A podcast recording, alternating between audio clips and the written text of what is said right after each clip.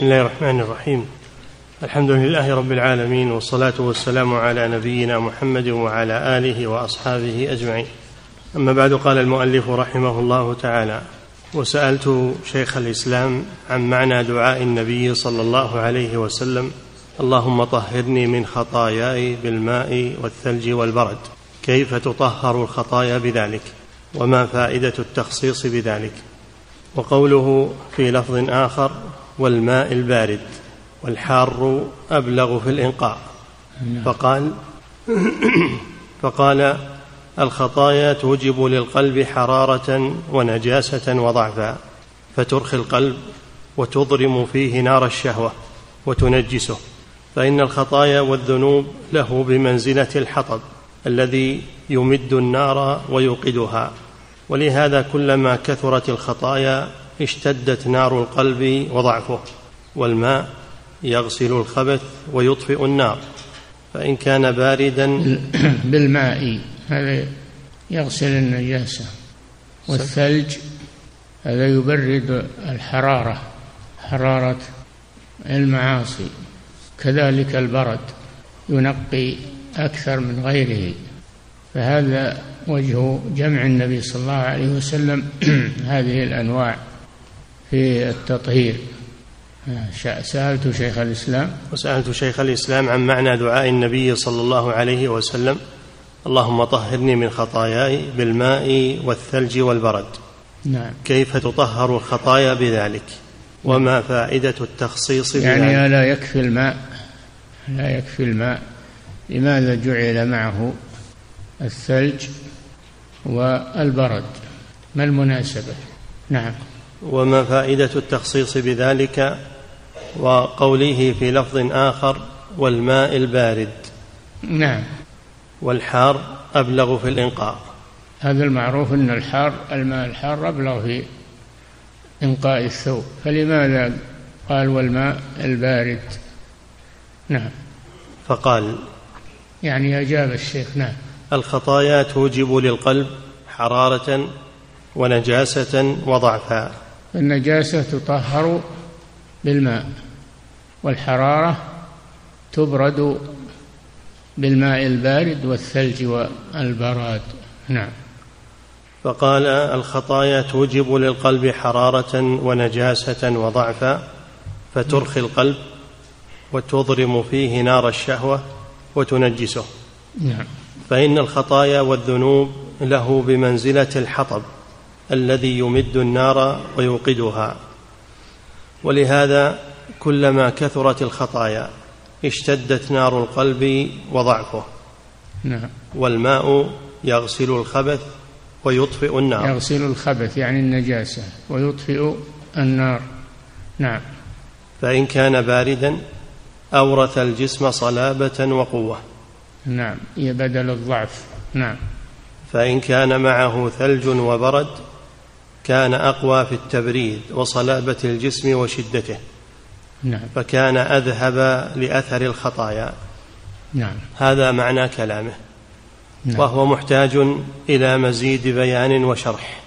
فاعلم أن ها هنا أربعة نعم. أمور. يريد ابن القيم أن يشرح كلام الشيخ ويوضحه. نعم. وهو وهو محتاج إلى مزيد بيان وشرح. فاعلم أن ها هنا أربعة أمور. أمران حسيان وأمران معنويان. فالنجاسة التي تزول بالماء هي ومزيلها حسيان. نعم. وأثر الخطايا التي تزول بالتوبة والاستغفار هو هي ومزيلها معنويان. نعم. وصلاح القلب وحياته ونعيمه. لا يتم إلا بهذا وهذا. نعم. بالحسي والمعنوي. نعم. فذكر النبي صلى الله عليه وسلم من كل شطر قسما نبه به على القسم الآخر فتضمنت كلماته الأقسام الأربعة في غاية الاختصار وحسن البيان كما في حديث الدعاء بعد الوضوء اللهم اجعلني من التوابين واجعلني من المتطهرين فإنه يتضمن ذكر الأقسام الأربعة ومن كمال بيانه. المتوضي إذا فرغ يأتي بالشهادتين ويدعو بالتوبة والتطهر لأن الماء يزيل الحدث يزيل الحدث عن البدن والخطايا تزيل تزيلها التوبة. اجعلني من التوابين. تزيل التوبة تزيل تزيل المعصية. الماء يزيل الحدث والتوبة تزيل المعصية. واجعلني من المتطهرين من النوعين النجاسة الحسية والمعنوية. نعم. ومن كمال بيانه صلى الله عليه وسلم وتحقيقه لما يخبر به ويأمر به. تمثيل الأمر المطلوب المعنوي بالأمر المحسوس.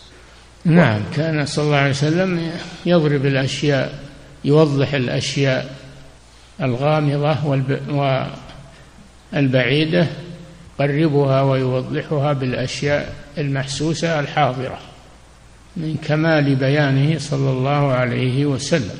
نعم. ومن كمال بيانه صلى الله عليه وسلم وتحقيقه لما يخبر به ويأمر به تمثيل الأمر المطلوب المعنوي بالأمر المحسوس وهذا كثير في كلامه نعم. كقوله في حديث علي بن أبي طالب رضي الله عنه سل الله الهدى والسداد واذكر بالهدى هدايتك الطريق وبالسداد سداد السهم وهذا من أبلغ التعليم والنصح. حيث أمره أن يذكر إذا سأل الله الهدى إلى طريق رضاه وجنته كونه مسافرا. وقد ضل عن الطريق فلا يدري أين أين يتوجه. فطلع له رجل خبير بالطريق عالم بها فسأله أن يدله على الطريق. فهكذا شأن طريق الآخرة تمثيلا لها بالطريق المحسوس للمسافر. نعم. وحاجة المسافر إلى الله سبحانه إلى من يهديه إلى تلك الطريق أعظم من حاجة المسافر إلى بلد إلى من يدله على الطريق الموصل إليها. نعم لأن السفر على قسمين سفر في الدنيا إلى البلدان سفر إلى الآخرة سفر إلى الآخرة. الرسول صلى الله عليه وسلم دعا في أن يهديه الله لأن الذي يمشي في الطريق يحتاج إلى دليل يحتاج إلى دليل وهداية ويحتاج إلى إلى صواب. ولهذا قال الهدى والسداد الهدى على الطريق والسداد لما أقصده وأن أصيبه ولا أخطئه. نعم. وكذلك السداد هو إصابة القصد قولا وعملا. نعم. فمثله مثل رامي السهم. إذا وقع سهمه في نفس الشيء الذي رماه فقد سدد سهمه وأصاب ولم يقع باطلا. لهذا قال صلى الله عليه وسلم ولكن سددوا أو قارئوا. حاولوا الإصابة فإذا لم تحصل الإصابة فالمقاربة المقاربة للإصابة. نعم. فهكذا المصيب للحق في قوله وعمله بمنزلة المصيب في رميه. نعم. وكثيرا ما يقرن في القرآن هذا وهذا. نعم. فمنه قوله تعالى وتزودوا فإن خير الزاد التقوى. نعم. فالله سبحانه وتعالى ذكر في القرآن ربط الأشياء بما يناسبها. قال سبحانه تزودوا أمر الحجاج أن يأخذوا معهم زاد السفر لأن هناك أناسا كانوا يخرجون مع الحجاج وليس معهم شيء ويقولون نحن المتوكلون ويصبحون عالة على الحجاج. أمرهم الله أن يأخذوا الزاد من الطعام وما يحتاجون إليه للسفر. تزودوا. ثم نبه على سفر أشد يحتاج إلى زاد. ولهذا قال فإن خير الزاد التقوى. فسفر الآخرة زاده التقوى. سفر الدنيا زاده الطعام والشراب. فنبه جل وعلا على هذا وهذا. كما أنك تأخذ أهبة السفر للدنيا تأخذ أهبة السفر للآخرة. وأهبة السفر للآخرة هي التقوى تقوى الله بفعل أوامره وترك ما نهى عنه. هذا زاد الآخرة. سميت تقوى لأنها تقي من عذاب الله. وقال سبحانه يا بني آدم قد أنزلنا عليكم لباسا يواري سوآتكم وريشا ولباس التقوى ذلك خير. الله جل وعلا امتن علينا باللباس الحسي الذي هو الثياب نستر بها عوراتنا ونجمل بها هيئاتنا. خذوا زينتكم يعني ستر العورات هذه الزينة. خذوا زينتكم عند كل مسجد عند كل صلاة. يا بني آدم قد أنزلنا عليكم لباسا يواري سوآتكم يستر عوراتكم السوءة هي العورة. امتن الله علينا بذلك. يواري سوآتكم. يا بني آدم قد أنزلنا عليكم لباسا يواري سوآتكم وريشا ولباس التقوى ذلك خير. لما أمر بأخذ الستر الحسي على البدن وستر العورة نبه على على لباس التقوى فهو أولى الذي يستر الذنوب. ولباس التقوى ذلك خير من لباس الدنيا. ولهذا يقول الشاعر إذا المرء لم يلبس ثيابا من التقى تقلب عريانا وإن كان كاسيا. فكسوة البدن لا تكفي عن كسوة آه، الذنوب والمعاصي.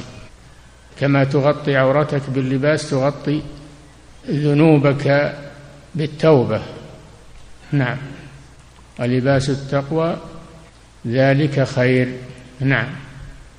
وكثيرا ما يقرن في القرآن. ولما قال سبحانه في آية الركوب وجعل لكم من الفلك والأنعام ما تركبون لتستووا على ظهوره ثم تذكروا نعمة ربكم إذا استويتم عليه وتقولوا سبحان الذي سخر لنا هذا وما كنا له مقرنين لسنا مطيقين له لولا أن الله سخره لنا وذلله لنا ما استطعنا السيطرة عليه هل تستطيع السيطرة على البعير؟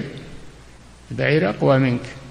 تستطيع أن تملك الفلك في البحر تسيطر عليها؟ لا ما تستطيع هذا. هو الذي سخرها لك جعلها تطفو فوق الماء وهي محملة بالبضائع ولا تغرق. فهذا من نعم الله عز وجل لكن لا تقتصر على هذا. اذكر السفر للآخرة وتقول وإنا إلى ربنا لمنقلبون. فتذكر بسفر الدنيا سفر الآخرة والانتقال من الدنيا إلى الآخرة. وإنا إلى ربنا لمنقلبون. فهذا بالمناسبة. نعم ينبه الله جل وعلا بالأشياء المشاهدة على الأشياء الغائبة. نعم. وكثيرا ما يقرن في القرآن هذا وهذا. نعم كما ذكرنا لكم الأمثلة. هذا وهذا. نعم. فمنه قوله تعالى وتزودوا فإن خير الزاد التقوى. نعم. أمر الحاج بأن يتزودوا لسفرهم ولا يسافروا بغير زاد. نعم. ثم نبههم على زاد سفر الآخرة وهو نعم. التقوى. نعم.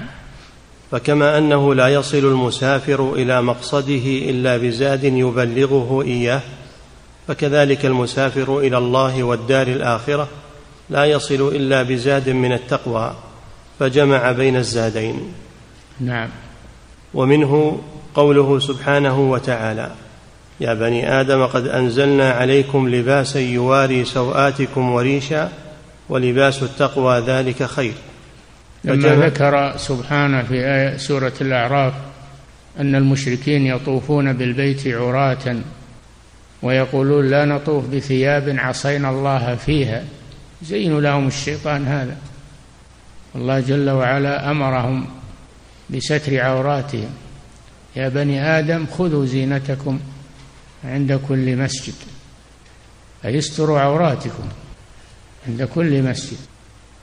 والمشركون كما ذكرنا كانوا يتعرون في الطواف ويقولون لا نطوف بثياب عصينا الله فيها. زين لهم الشيطان هذا. الله سبحانه وتعالى قال يا بني آدم قد أنزلنا عليكم لباسا يعني تفضلنا عليكم والإنزال هنا معناه الإيجاد إيجاد الشيء. إيجاد الشيء من مصادره. قد أنزلنا عليكم لباسا يواري سوآتكم وريشا. يعني زيادة على ستر العورات فيه جمال أيضا تتجملون به. ثم قال ولباس التقوى ذلك خير. فنبه نبه باللباس الحسي على اللباس المعنوي. لا تجمل لا تجمل شخصيتك وهيئتك وتنسى التجمل الصحيح وهو التقوى فهو الجمال للإنسان. كم من متجمل بثيابه لكنه غير متجمل في طاعته وعمله. نعم.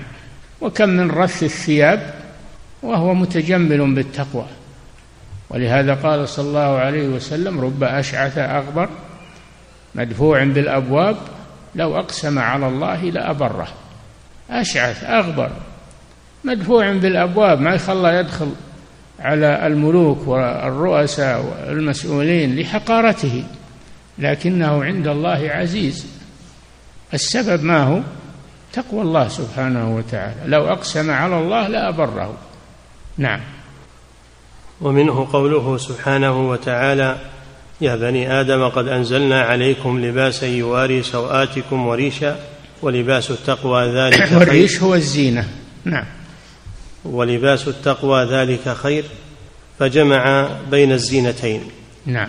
زينة البدن باللباس وزينة القلب بالتقوى. نعم. زينة الظاهر والباطن. وجمع نعم. فإذا جمع بين الزينتين جمع بين زينة الظاهر باللباس المحسوس وزينة الباطل الباطن بالتقوى. نعم. زينة الظاهر والباطن وجمال الظاهر والباطن. نعم.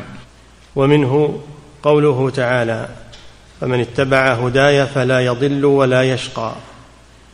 فنفى عنه الضلال الذي هو عذاب القلب والروح والشقاء الذي هو عذاب البدن والروح أيضا فهو منعم القلب والبدن بالهدى والفلاح. ومنه قول امرأة العزيز عن يوسف عليه السلام لما أرته النسو لما أرته النسوة اللائمات لها في حبه فذلكن الذي لمتنني فيه. فأرتهن جماله الظاهر.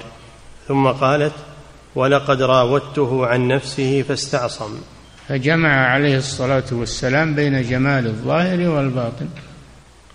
فكان أجمل الناس عليه الصلاة والسلام. جمال يوسف ليس له نظير عليه الصلاة والسلام وذلك مما أغرى به امرأة العزيز وراودته راودته عن نفسه ولكنه استعصم فذلكن الذي لمتنني فيه ولقد راودته عن نفسه فاستعصم.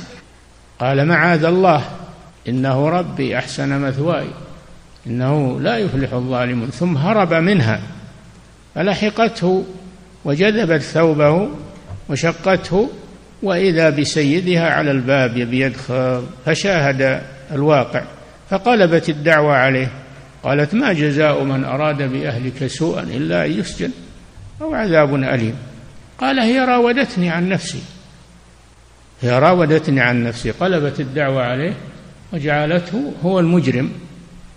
لكن الله جل وعلا برأه بأن جاء شخص وقال ينظر في الشق الذي في الثوب فإن كان في المقدمة فهو راودها أو تريد أن تدفع أن تدفعه عن نفسها شقت ثوبه دفاعا وإن كان من دبر فهي التي لحقته شهد شاهد من أهلها إن كان قميصه قد من قبل فصدقت وهو من الكاذبين. وإن كان قميصه قد من دبر فكذبت وهو من الصادقين. فلما رأى قميصه قد من دبر قال إنه من كيدكن إن كيدكن عظيم. فبرأ الله نبيه من هذه التهمة بسبب التقوى والاعتصام بالله عز وجل مع أن المغريات كلها موجودة. غلقت الأبواب تجملت قالت هيت لك فكل الأسباب موجودة ولكنه اعتصم بالله فعصمه الله سبحانه وتعالى منها. ذلك لنصرف عنه السوء والفحشاء إنه من عبادنا المخلصين هذا السبب. نعم. ومنه قول امرأة العزيز عن يوسف عليه السلام لما والعزيز هو ملك مصر. نعم. لما أرته النسوة اللائمات لها في حبه فذلكن الذي لمتنني فيه فأرتهن جماله الظاهر ثم قالت ولقد راودته عن نفسه فاستعصم. هذا جماله الباطن. راودته عن نفسه فاستعصم هذا جماله الباطن. نعم. فأخبرت عن جماله الباطن بعفته. نعم. فأخبرتهن بجمال باطنه وأرتهن جمال ظاهره. نعم. فنبه صلى الله عليه وسلم بقوله اللهم طهرني من خطاياي بالماء والثلج والبرد على شدة حاجة البدن والقلب إلى ما يطهرهما. يعني إذا طهرت ثوبك من النجاسة تذكر تطهير قلبك تذكر تطهير قلبك بأي شيء؟ بالتوبة. توب إلى الله عز وجل. نعم. فنبه صلى الله عليه وسلم بقوله اللهم طهرني من خطاياي بالماء والثلج والبرد على شدة حاجة البدن والقلب نعم. إلى ما يطهرهما ويبردهما ويقويهما نعم. وتضمن دعاؤه سؤال هذا وهذا نعم. والله أعلم وقريب من هذا أنه صلى الله عليه وسلم كان إذا خرج من الخلاء قال غفرانك نعم كان صلى الله عليه وسلم إذا دخل الخلاء لقضاء حاجته أنه إذا خرج يقول غفرانك أي اغفر لي. هل فعل خطيئة لدخوله؟ قالوا لأن الله أنعم عليه بإزالة الأذى بإزالة الأذى أنعم عليه بإزالة الأذى فهو اعترف بتقصيره بالشكر لله عز وجل فقال غفرانك. نعم. وقريب من هذا أنه صلى الله عليه وسلم كان إذا خرج من الخلاء قال غفرانك. وفي هذا من السر والله أعلم أن النجو يثقل البدن ويؤذيه نعم. خلصه الله من النجو وهو الخارج الذي فيه أذاه وفيه تأثير على البدن لو بقي. ربما يقتل. فهذه نعمة عظيمة أن الله خلصك منه ويجب عليك الشكر لله عز وجل لذلك فأنت تعترف بالتقصير عن شكر الله عز وجل على ذلك. نعم. وفي هذا من السر والله أعلم أن النجوى يثقل البدن ويؤذي ويؤذيه باحتباسه. نعم. والذنوب تثقل القلب وتؤذيه باحتباسها فيه. نعم. فهما مؤذيان مضران بالبدن. نعم. فهما مؤذيان مضران بالبدن والقلب. نعم. فحمد الله عند خروجه على خلاصه من هذا المؤذي لبدنه وخفة البدن وراحته وسأله أن يخلصه من المؤذي الآخر. وهو الذنوب. نعم. وسأله أن يخلصه من المؤذي الآخر ويريح قلبه منه ويخففه. نعم. وأسرار كلماته وأدعيته صلى الله عليه وسلم فوق ما يخطر بالبال. نعم. فصل. وقد وسم صلى الله عليه وسلم لا ينطق عن الهوى إن هو إلا وحي يوحى كلماته فيها أسرار عظيمة وفيها حكم عظيمة نفهم منها ما نفهم ويغيب عنا منها الشيء الكثير. نعم. فصل وقد وسم الله سبحانه الشرك والزنا واللواط بالنجاسة. إيه، وال... نعم. بالنجاسة الشرك, الشرك نجس إنما المشركون نجس النجاسة معنوية يعني. نجس يعني نجاسة معنوية لا يطهرها إلا التوحيد. شهادة لا إله إلا الله وأن محمدا رسول الله. وكذلك اللواط نجاسة نجاسة خلقية لا يطهرها إلا التوبة إلى الله سبحانه وتعالى والبعد عنها وعن أسبابها. نعم. وقد وسم الله سبحانه الشرك والزنا واللواط بالنجاسة والخبث في كتابه. نعم. وصف الشرك بالنجاسة إنما المشركون نجس. نجاسة معنوية يطهرها التوحيد تطهير معنوي.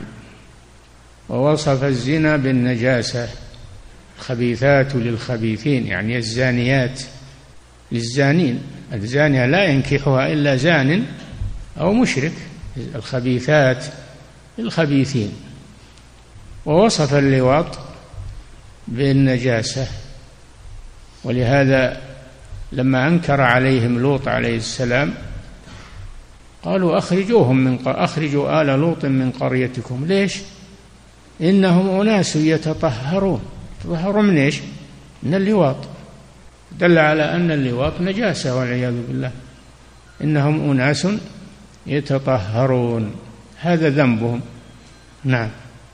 فهم اعترفوا للوط عليه السلام بنقائه وسلامته من هذه الفاحشة من حيث لا يشعرون. نعم. وقد وسم الله سبحانه الشرك والزنا واللواط بالنجاسة والخبث في كتابه دون سائر الذنوب. نعم. وإن كانت مشتملة على ذلك. وإن كانت الذنوب مشتملة على النجاسة المعنوية لكن نص على هذه الجرائم الثلاث بالتحذير منها. لأنها أخبث الجرائم وأقبح القبائح. نعم. لكن الذي وقع في القرآن قوله تعالى يا أيها الذين آمنوا إنما المشركون نجس. إنما المشركون نجس فلا يقربوا المسجد الحرام بعد عامهم هذا نعم. وقوله والمراد نجاسة الشرك. نعم.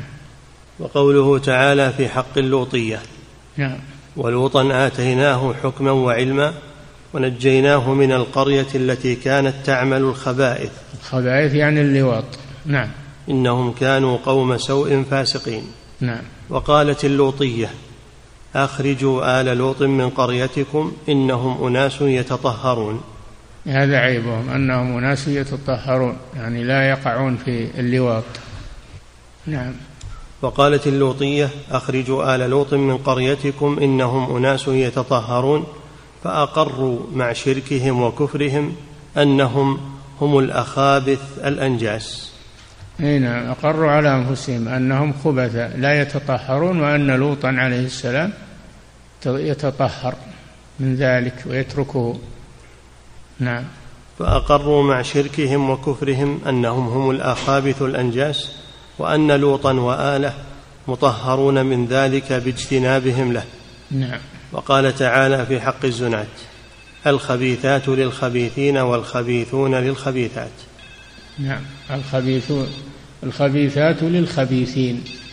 النساء الخبيثات للرجال الخبيثين. والطيبات للطيبين. والطيبون للطيبات. نعم. الرجال الطيبون للنساء الطيبات والطيبات من النساء للرجال الطيبين. نعم. فأما نجاسة الشرك فهي نوعان نجاسة مغلظة ونجاسة مخففة. يعني إذا كان الشرك شركا أكبر فنجاسته مغلظة لا يطهرها إلا الشهادتان. وأما إن كان الشرك شركا أصغر فنجاسته نجاسة مخففة تطهيرها بالتوبة من الرياء والنفاق والسمعة نعم. فأما نجاسة الشرك فهي نوعان نجاسة مغلظة ونجاسة مخففة. فالمغلظة الشرك الأكبر نعم. الذي لا يغفره الله. فإن الله لا يغفر أن يشرك به. يعني من مات عليه إن الله لا يغفر له. بخلاف الذنوب التي دون الشرك فإنه يرجى لصاحبها أن يغفر الله له. نعم. والمخففة الشرك الأصغر. نعم. كيسير الرياء. كيسير الرياء. كيسير الرياء. أما الرياء الكثير هذا نفاق. هذا شرك أكبر. إذا كان كل أعمال رياء هذا شرك أكبر. يراءون الناس. قال الله جل وعلا في المنافقين يراءون الناس ولا يذكرون الله إلا قليلا. فالرياء الكثير لا يقع من المسلم أبدا. وأما الرياء اليسير يقع من المسلم. ولهذا قال صلى الله عليه وسلم أخوف ما أخاف عليكم يعني أصحابه. أخوف ما أخاف عليكم الشرك الأصغر. فسئل عنه وقال الرياء. نعم. يقع من المؤمن الرياء في بعض الأمور بعض الأحيان يقع منه رياء ويذهبه للتوبة إلى الله عز وجل والإخلاص لله. نعم. والمخففة الشرك الأصغر كيسير الرياء والتصنع للمخلوق. تصنع للمخلوق يعني تتزين للمخلوق وتظهر بالمظهر آه، الدين و وأما الله جل وعلا فلا فلا يهمك ولا تتزين له بالتقوى ولا تتزين له بالإخلاص يراءون الناس ولا يذكرون الله إلا قليلا يستخفون من الناس ولا يستخفون من الله وهو معهم إذ يبيتون ما لا يرضى من. يخفون سيئاتهم وذنوبهم عن الناس ولكنهم لا يخفونها عن الله ولا يقدرون أن يخفوها عن الله لأن الله لا يحجبه شيء يرى كل شيء سبحانه ويعلم كل شيء. فمهما حاولت إنك تختفي عن الله ما تختفي عليه لا في بر ولا ولا في بحر ولا في ظلام ولا في ولا في ضياء ما تختفي عن الله عز وجل. نعم.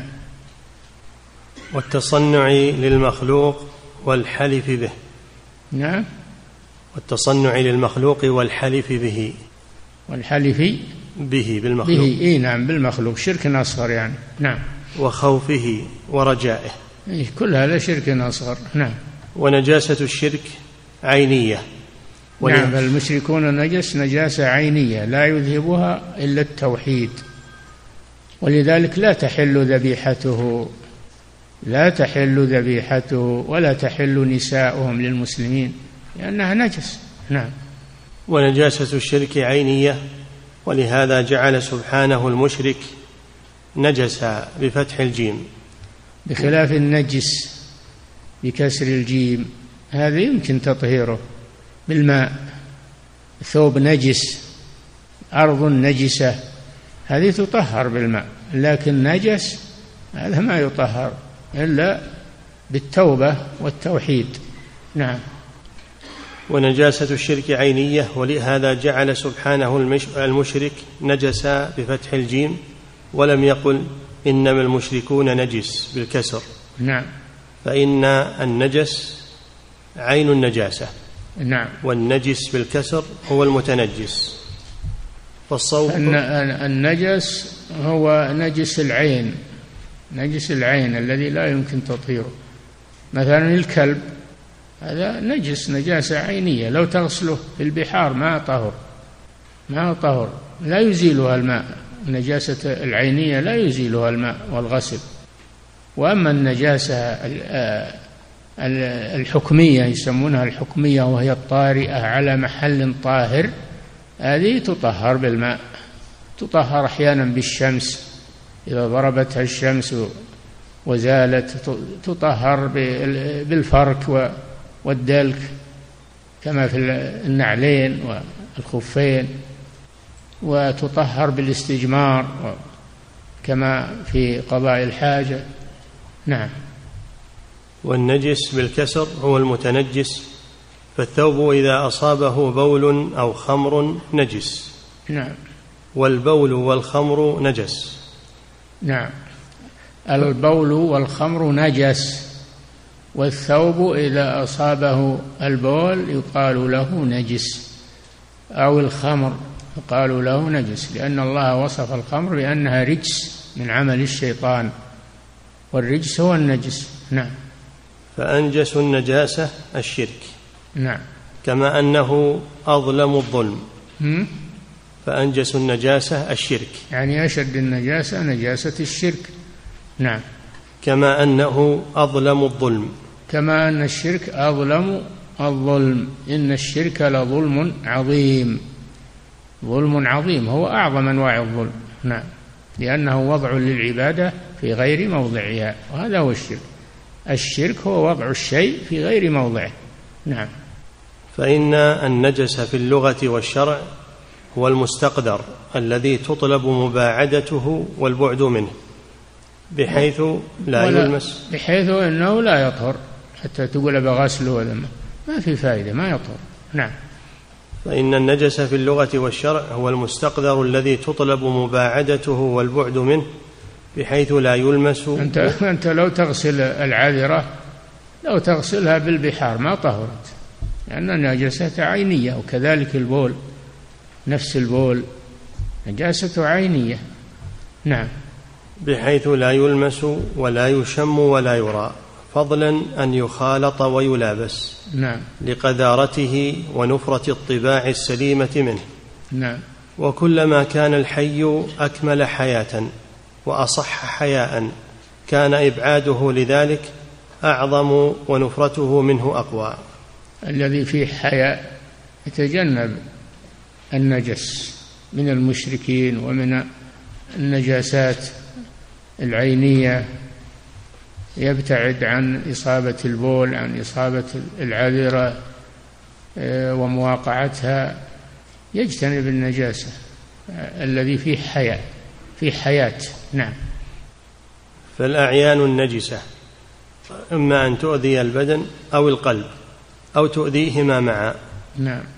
والنجس قد يؤذي برائحته وقد يؤذي بملابسته وإن لم تكن له رائحة كريهة. نعم.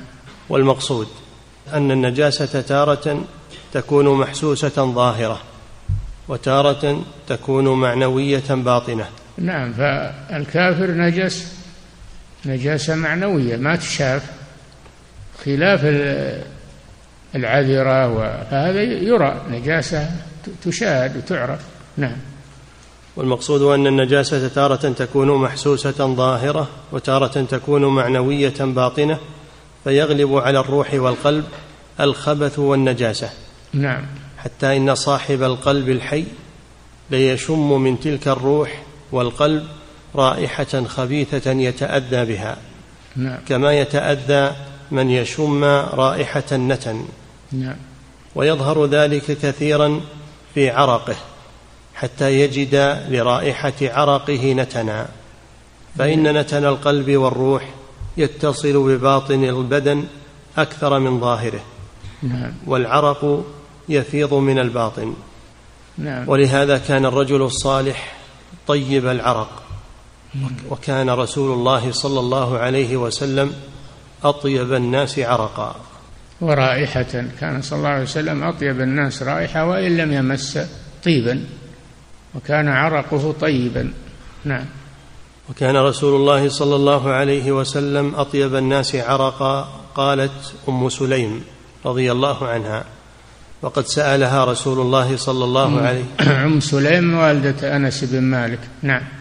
قالت أم سليم رضي الله عنها وقد سألها رسول الله صلى الله عليه وسلم عنه وهي تلتقطه. هو من أطيب الطيب. وهي قالت أم سليم وقد سألها رسول الله صلى الله عليه وسلم عنه وهي تلتقطه. يعني عرق الرسول صلى الله عليه وسلم. نعم. هو من أطيب الطيب. تقول عرقك من أطيب الطيب. نعم. فالنفس النجسة الخبيثة يقوى خبثها ونجاستها حتى يبدو على الجسد. نعم.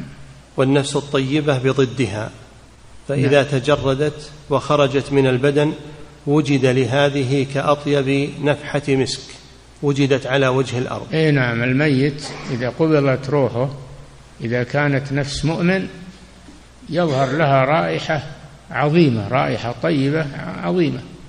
فيقال ما هذه الرائحة الطيبة؟ فيقال هذا فلان ابن فلان ويصعد به إلى السماء تفتح له أبواب السماء وكل أهل السماء يسألون ما هذه الريح الطيبة؟ هذه نفس فلان ابن فلان. نعم. والنفس الطيبة بضدها فإذا تجردت وخرجت من البدن وجد لها كأطيب خرجت من البدن يعني بالموت. نعم. وجد, وجد لها كأطيب نفحة مسك وجدت على وجه الأرض. نعم. ولتلك كأنتن ريح جيفة. أما نفس الكافر والعياذ بالله إذا قبضت يظهر لها رائحة أنتن من الجيفة. فيسأل فيسأل الناس أو الملائكة ما هذه الروح الخبيثة؟ فيقال هذه روح فلان ابن فلان الكافر. نعم. ولتلك كأنتن ريح جيفة وجدت على وجه الأرض. كما في حديث البراء بن عازب رضي الله عنه. نعم. والمقصود أن الشرك لما كان أظلم الظلم. أظلم. والمقصود أن الشرك لما كان أظلم الظلم وأقبح القبائح وأنكر المنكرات كان أبغض الأشياء إلى الله وأكرهها له وأشدها مقتا لديه. نعم. ورتب عليه من عقوبات الدنيا والآخرة ما لم يرتبه على ذنب سواه. على الشرك يعني. عقوبة الدنيا أنه يقتل. وعقوبة الآخرة ويباعد عنه ويبتعد عنه. عقوبة الآخرة والعياذ بالله النار. نعم. وأخبر أنه لا يغفره. أنه أنه لا يغفره. إن الله لا يغفر أن يشرك به. نعم. وأن أهله نجس. نعم. ومنعهم من قربان حرمه. إنما المشركون نجس فلا يقربوا المسجد الحرام. بعد عامهم هذا يعني عام الفتح. لما فتح النبي صلى الله عليه وسلم مكة منع المشركين من دخولها فأرسل من ينادي في الموسم أن لا يحج بعد هذا العام مشرك وأن لا يطوف بالبيت عريان.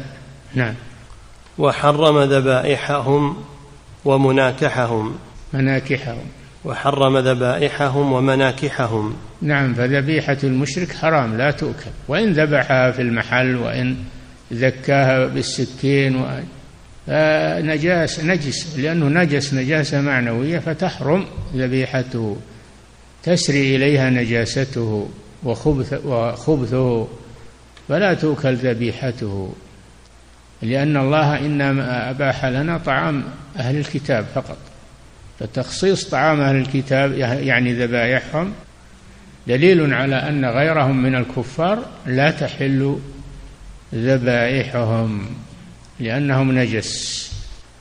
وكذلك حرم تزوج من المشركات ولا تنكحوا المشركات حتى يؤمن.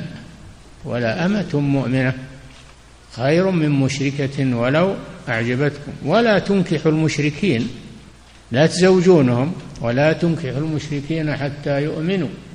ولعبد مؤمن خير من مشرك ولو أعجبكم. نعم. وقطع الموالاة بينهم وبين المؤمنين. نعم. لا تتخذوا لا تتخذوا الذين اتخذوا دينكم هزوا ولعبا من الذين أوتوا الكتاب من قبلكم والكفار أولياء. لا توالونهم بالمحبة ولا بالنصرة تبرأوا منهم. نعم. وجعلهم أعداء له سبحانه ولملائكته ورسله وللمؤمنين. نعم. الله عدو للكافرين. إن كان عدوا لله وملائكته ورسله وجبريل وميكال فإن الله عدو للكافرين. لا تتخذوا عدوي وعدوكم أولياء. نعم. وأباح لأهل التوحيد أموالهم ونساءهم وأبناءهم. يعني بالغنيمة. أباح لهم أموالهم ونساءهم ودماءهم بالغني قتالهم يعني دماءهم بالقتال وأموالهم بالغنيمة. لأنهم أعداء الله وأعداء رسوله وأعداء عباده المؤمنين. نعم. وأباح لأهل التوحيد أموالهم ونساءهم وأبناءهم وأن نساءهم بالسبي يعني أباحها بالسبي لا بالنكاح والعقد لكن بالسبي. نعم. وأباح لأهل التوحيد أموالهم ونساءهم وأبناءهم وأن يتخذوهم عبيدا. نعم. أرقا يسترقونهم. لأنهم لما استكبروا عن عبادة الله أذلهم الله أجعلهم أرقاء وجعلهم عبيدا للشيطان بدل عبودية الله عز وجل. نعم. وهذا لأن الشرك هضم لحق الربوبية.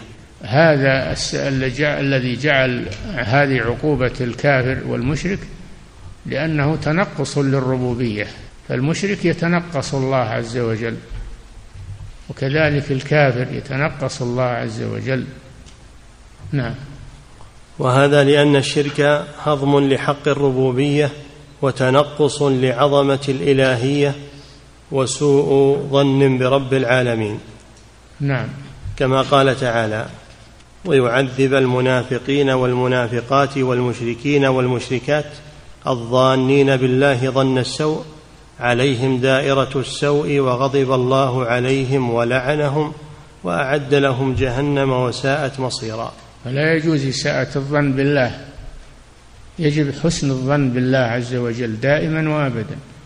وذلكم ظنكم الذي ظننتم بربكم أرداكم أصبحتم من الخاسرين. يظنون بالله غير الحق ظن الجاهلية. نعم. كما قال تعالى ويعذب المنافقين والمنافقات والمشركين والمشركات الظانين بالله ظن السوء عليهم دائرة السوء وغضب الله عليهم ولعنهم وأعد لهم جهنم وساءت مصيرا. فلم يجمع على أحد من الوعيد والعقوبة ما جمع على أهل الإشراك. نعم. فإنهم ظنوا به ظن السوء حتى أشركوا به.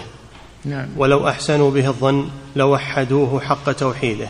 نعم. ولهذا أخبر سبحانه عن المشركين أنهم ما قدروه حق قدره في ثلاثة مواضع من كتابه. نعم. وما قدروا الله حق قدره إذ قالوا ما أنزل الله على بشر من شيء وما قدروا الله حق قدره والأرض جميعا قبضته يوم القيامة والسماوات مطويات بيمينه. ما قدروا الله حق قدره إن الله لقوي عزيز في ثلاثة مواضع. في ثلاثة مواضع في سورة الأنعام وفي سورة الحج وفي سورة الزمر. نعم الزمر. نعم سورة الزمر. نعم. وكيف يقدره حق قدره؟ من جعل له عدلا وندا. عدلا يعني معادلا له مساويا له. المشرك سوى المخلوق بالخالق. وعادله به. نعم والذين كفروا بربهم يعدلون يجعلون له عدلا من خلقه وشريكا يساويه. نعم. وكيف يقدره حق قدره؟ من جعل له عدلا وندا يحبه ويخافه ويرجوه ويذل له ويخضع له ويهرب من سخطه ويؤثر مرضاته. هذه كلها حقوق الله. المشرك جعلها لمن يشرك به من الأصنام والأشخاص. ونعم قال تعالى ومن الناس من يتخذ من دون الله أندادا يحبونهم كحب الله. نقف عند هذا. نعم. فضيلة الشيخ وفقكم الله. يقول هل يمكن القول بأن ذكر الخروج من الخلاء وهو غفرانك أن الاستغفار هو لعدم ذكره لله فترة قضائه للحاجة. كذلك يدخل فيه نعم يدخل فيه. نعم. فضيلة الشيخ وفقكم الله يقول كيف يسمى فعل قوم لوط باللواط؟ فنشتق له اسما من اسم نبي الله لوط عليه السلام. من, من اسم نبي الله. اللوط اللي يفعل اللواط يقال له لواطي ما يقال لوطي لواطي ينسب إلى اللواط. نعم. فضيلة الشيخ وفقكم الله يقول في قوله تعالى الخبيثات للخبيثين. هل في هذا دليل على جواز إنكاح الزانية لمن زنى بها؟ لا لكن ما يرضى بها ما يرضى بها إلا زان اللي ما يهمها الزنا يرضى بها ويتزوج. آه، يعني ولا يبالي بذلك. وهو الديوث الذي يقر السوء في أهله. أما النزيه فهو يأنف من الزانية لا يتزوجها لا يريدها نعم. فضيلة الشيخ وفقكم الله الصوفية يقولون إن الإنسان لكونه مسافرا يحتاج إلى دليل ويعنون بذلك الشيخ والسيد. الدليل هو الرسول صلى الله عليه وسلم. نعم يحتاج إلى دليل. من هو الدليل؟ هو الرسول صلى الله عليه وسلم. فيتبع الرسول إذا كان يريد الوصول إلى الجنة يتبع الرسول.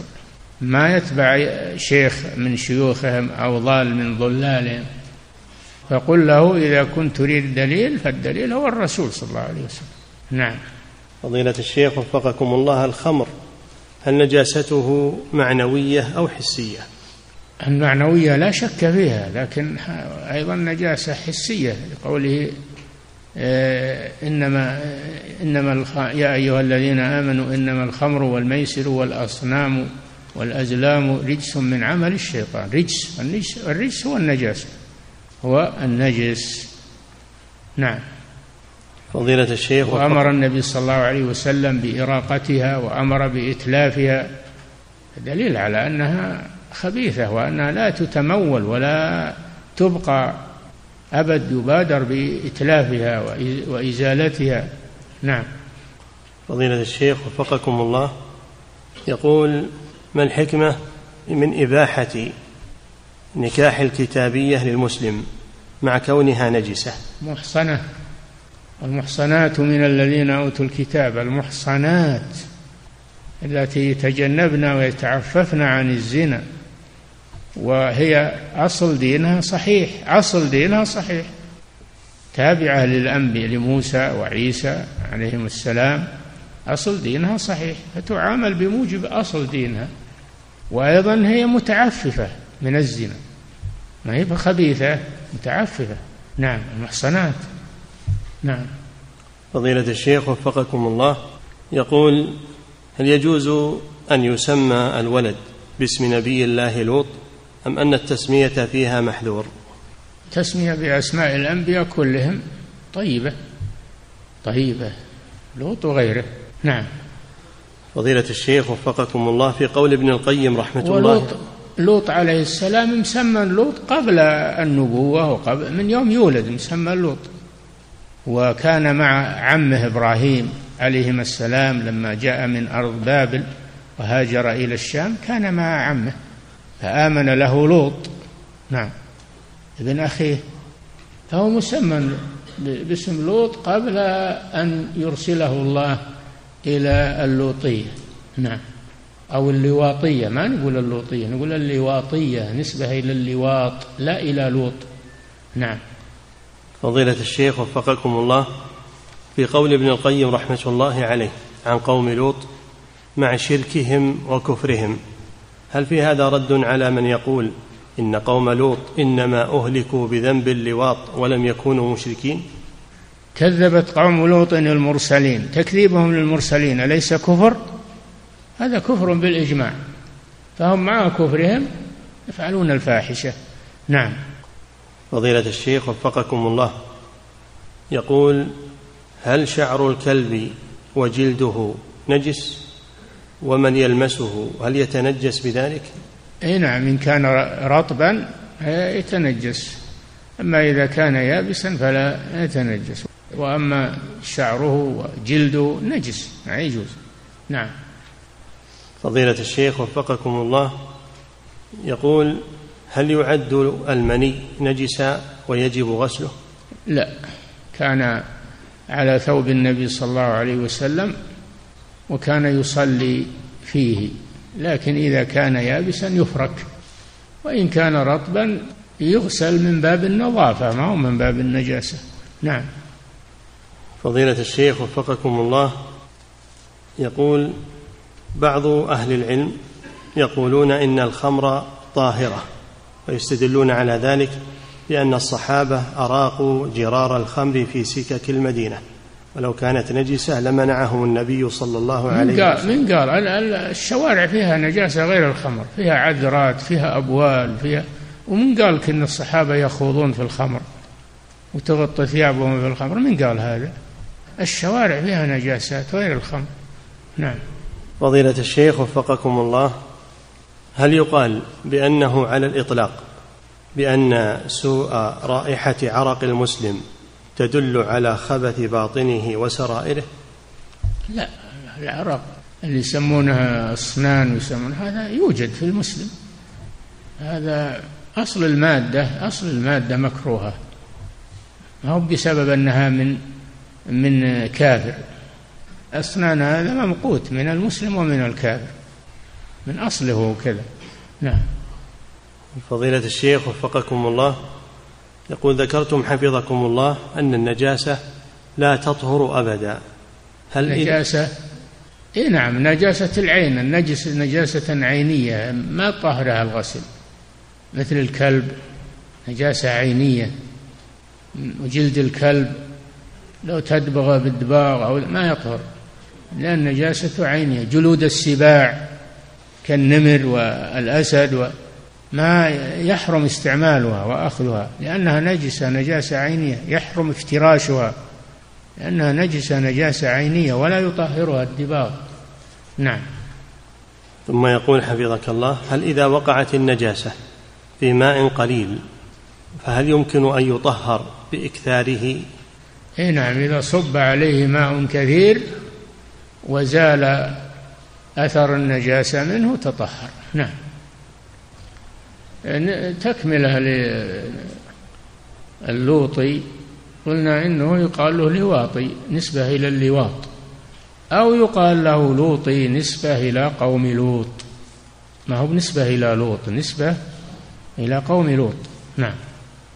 فضيلة الشيخ وفقكم الله يقول بعض طلبة العلم إن معنى لوط أي النظيف مأخوذ من النظافة لقول النبي صلى الله عليه وسلم تقوم الساعة والرجل يلوط حوض إبله أي ينظفها. فهل هذا القول له وجه من الصحة؟ ما أدري. جاب عليه دليل ما يخالف أما يجيبه من فكره لا. نعم. فضيلة الشيخ وفقكم الله يقول العطور التي تحتوي على نسبة من الكحول هل هي نجسة؟ وهل يجوز استعمالها؟ والله تجنبها على كل حال أحوط وازن لكن إن كانت تسكر إذا شرب منها كثير تسكر فهي نجسة ولا إن كانت لا تسكر فهي لا تنجس لكن يتجنبها من باب الاحتياط. نعم. فضيلة الشيخ وفقكم الله. يقول ذكر ابن القيم رحمه الله أن الخوف من الشرك شرك يا أخي ما قال كذا. الخوف من المخلوق. هو ما قال من الشرك. الخوف من الشرك طيب هذا. نعم. إلى قراءة خطأ يا شيخ. يقول ذكر ابن القيم رحمه الله أن الخوف من البشر شرك أصغر. إيه إذا خافهم خوف خوف سر خوف عبادة فهو شرك.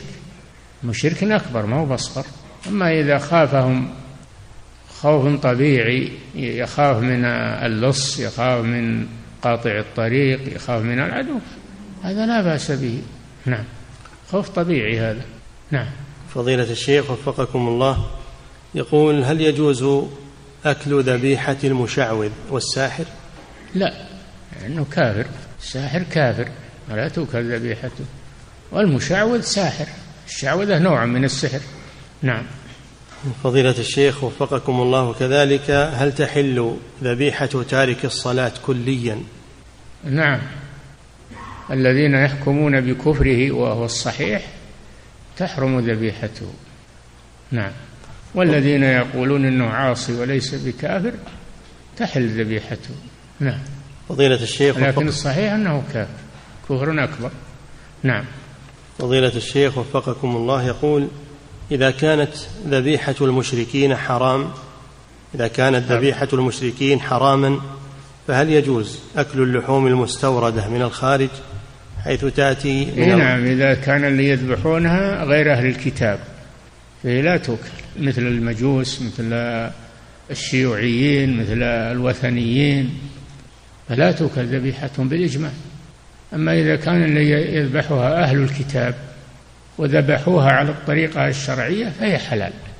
وإن ذبحوها على غير الطريقة الشرعية فهي حرام. حتى المسلم إذا ذبح على غير الطريقة الشرعية فالذبيحة حرام. نعم. فضيلة الشيخ وفقكم الله يقول هل تجب التسمية على الذبيحة بالنسبة للمسلم؟ هي نعم. من شروط الزكاة التسمية. لا تأكلوا مما لم يذكر اسم الله عليه. نعم. ثم يقول حفظك الله وكذلك الكتابي هل يؤمر بالتسمية؟ ها؟ وكذلك الكتابي هل يؤمر بالتسمية عند الذبيحة؟ الله أباح لنا ذبائحهم ولم يشترط في حقهم التسمية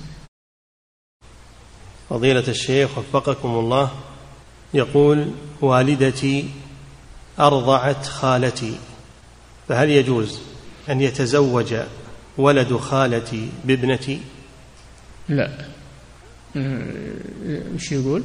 والدتي أرضعت خالتي. صارت بنت لها. فهل يجوز أن يتزوج ولد خالتي بابنتي؟ لا لأنها صارت اختلك لأنها صارت اختلك بناتها حرام عليك. ولكن ابنك ابنك ليس له علاقة بها. ولو حرمت عليك أنت ما تحرم عليه هو. نعم. إلا إن كان يربطها ب يربطه بهذه اللي يريد يتزوجها يربطه بها حكم رضاع فلا تحل له. يحرم من الرضاع ما يحرم من النسب. نعم. فضيلة الشيخ وفقكم الله يقول أعمل في شركة وهي توفر لموظفيها تأمينا صحيا بدون أي مقابل من الموظف. إيش يقول سؤال الرضاع هذا؟ يقول حفظك الله والدتي أرضعت خالتي. صارت ابنة لها نعم. فهل يجوز أن يتزوج ولد خالتي بابنتي؟ ولد خالك اللي هي ب... اللي أنت خول لها؟ لا ما يجوز. ما يجوز يتزوج ابن ابنك بنت المرتضعة. ما يجوز هذا لأن أمك صارت جدة لها. نعم. فضيلة الشيخ وفقكم الله. يقول أعمل في شركة وهي توفر لموظفيها تأمينا صحيا. شركة أعمل فيها وهي توفر لموظفيها تأمينا صحيا بدون أي مقابل من الموظف. فهل يجوز لي أن أستخدم هذا التأمين؟ إذا كان من الشركة وأنت لم تدفع شيئا فلا مانع من ذلك لأنهم كل الشركات يعملون هذا مع موظفيهم. نظام عندهم. وأنت لم تدفع لو دفعت شيء ما يجوز. نعم. فضيلة الشيخ وفقكم الله يقول لبست جوربين على أنهما سليمان من كل عيب يمنع المسح. وبعد ذلك تبين لي أن في أحدهما ثقبا كبيرا. فما حكم صلاتي الفائتة؟ والله إذا أنك ما انتبهت له وهو يعني شيء عادي صلاتك الفائتة صحيحة إن شاء الله. نعم. فضيلة الشيخ وفقكم الله يقول السائل لدي والدة من فضل الله علي أنني بار بها وأفعل لها كل ما تريده حيث إنها تقول ليت أمي على قيد الحياة لأفعل بها كما تفعل بي من الطاعة والبر. يقول بعد فترة جاءني قبول في جامعة الإمام بالرياض وأهلي يبعدون عن الرياض ألف كيلو فتركت أمي. فهل أرجع لها مع العلم بأنها تقول دراستك طاعة لي وبر بي وإخواني هناك لا يطيعونها على الوجه المطلوب وتعاني منهم فبماذا تنصحونني؟ هل أستمر في الدراسة أو أرجع إليها؟ ما دامت سمحت لك في هذا. الحمد لله. تدرس. نعم. فضيلة الشيخ وفقكم الله يقول قرأت أثرا في إحدى الكتب التي فيها في أحد الكتب التي فيها صفة الجنة وهو أن الرب تبارك وتعالى يقرأ القرآن في الجنة وهو أن الرب تبارك وتعالى يقرأ القرآن في الجنة. يقرأ؟ القرآن. الله يقرأ. نعم. ها؟ هكذا يقول. وش الكتاب هذا؟ لا تنظر فيه. نعم.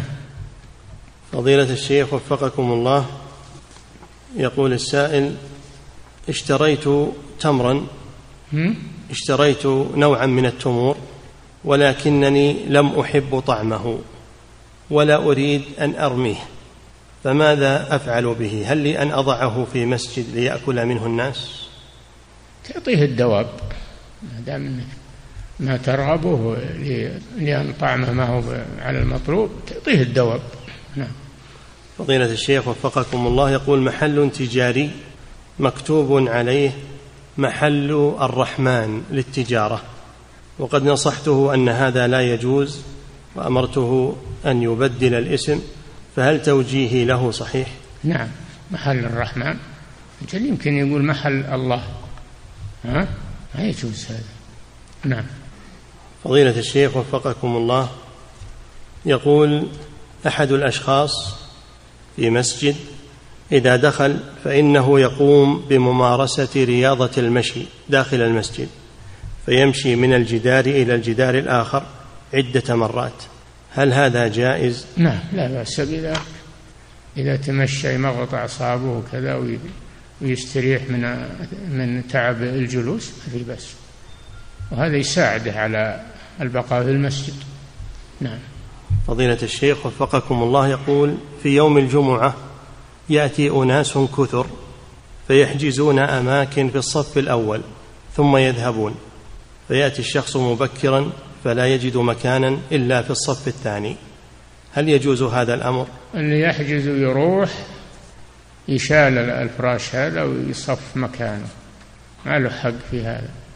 إلا إنسان رايح يبي يعود قريبا راح يتوضأ ولا راح شيء سريع ويجي فهو أحق. أما إذا كان يبي يروح ينام ولا يروح يشتغل ولا يبيع ويشري هذا ما له حق. ما له حق في الاحتجاز هذا. نعم.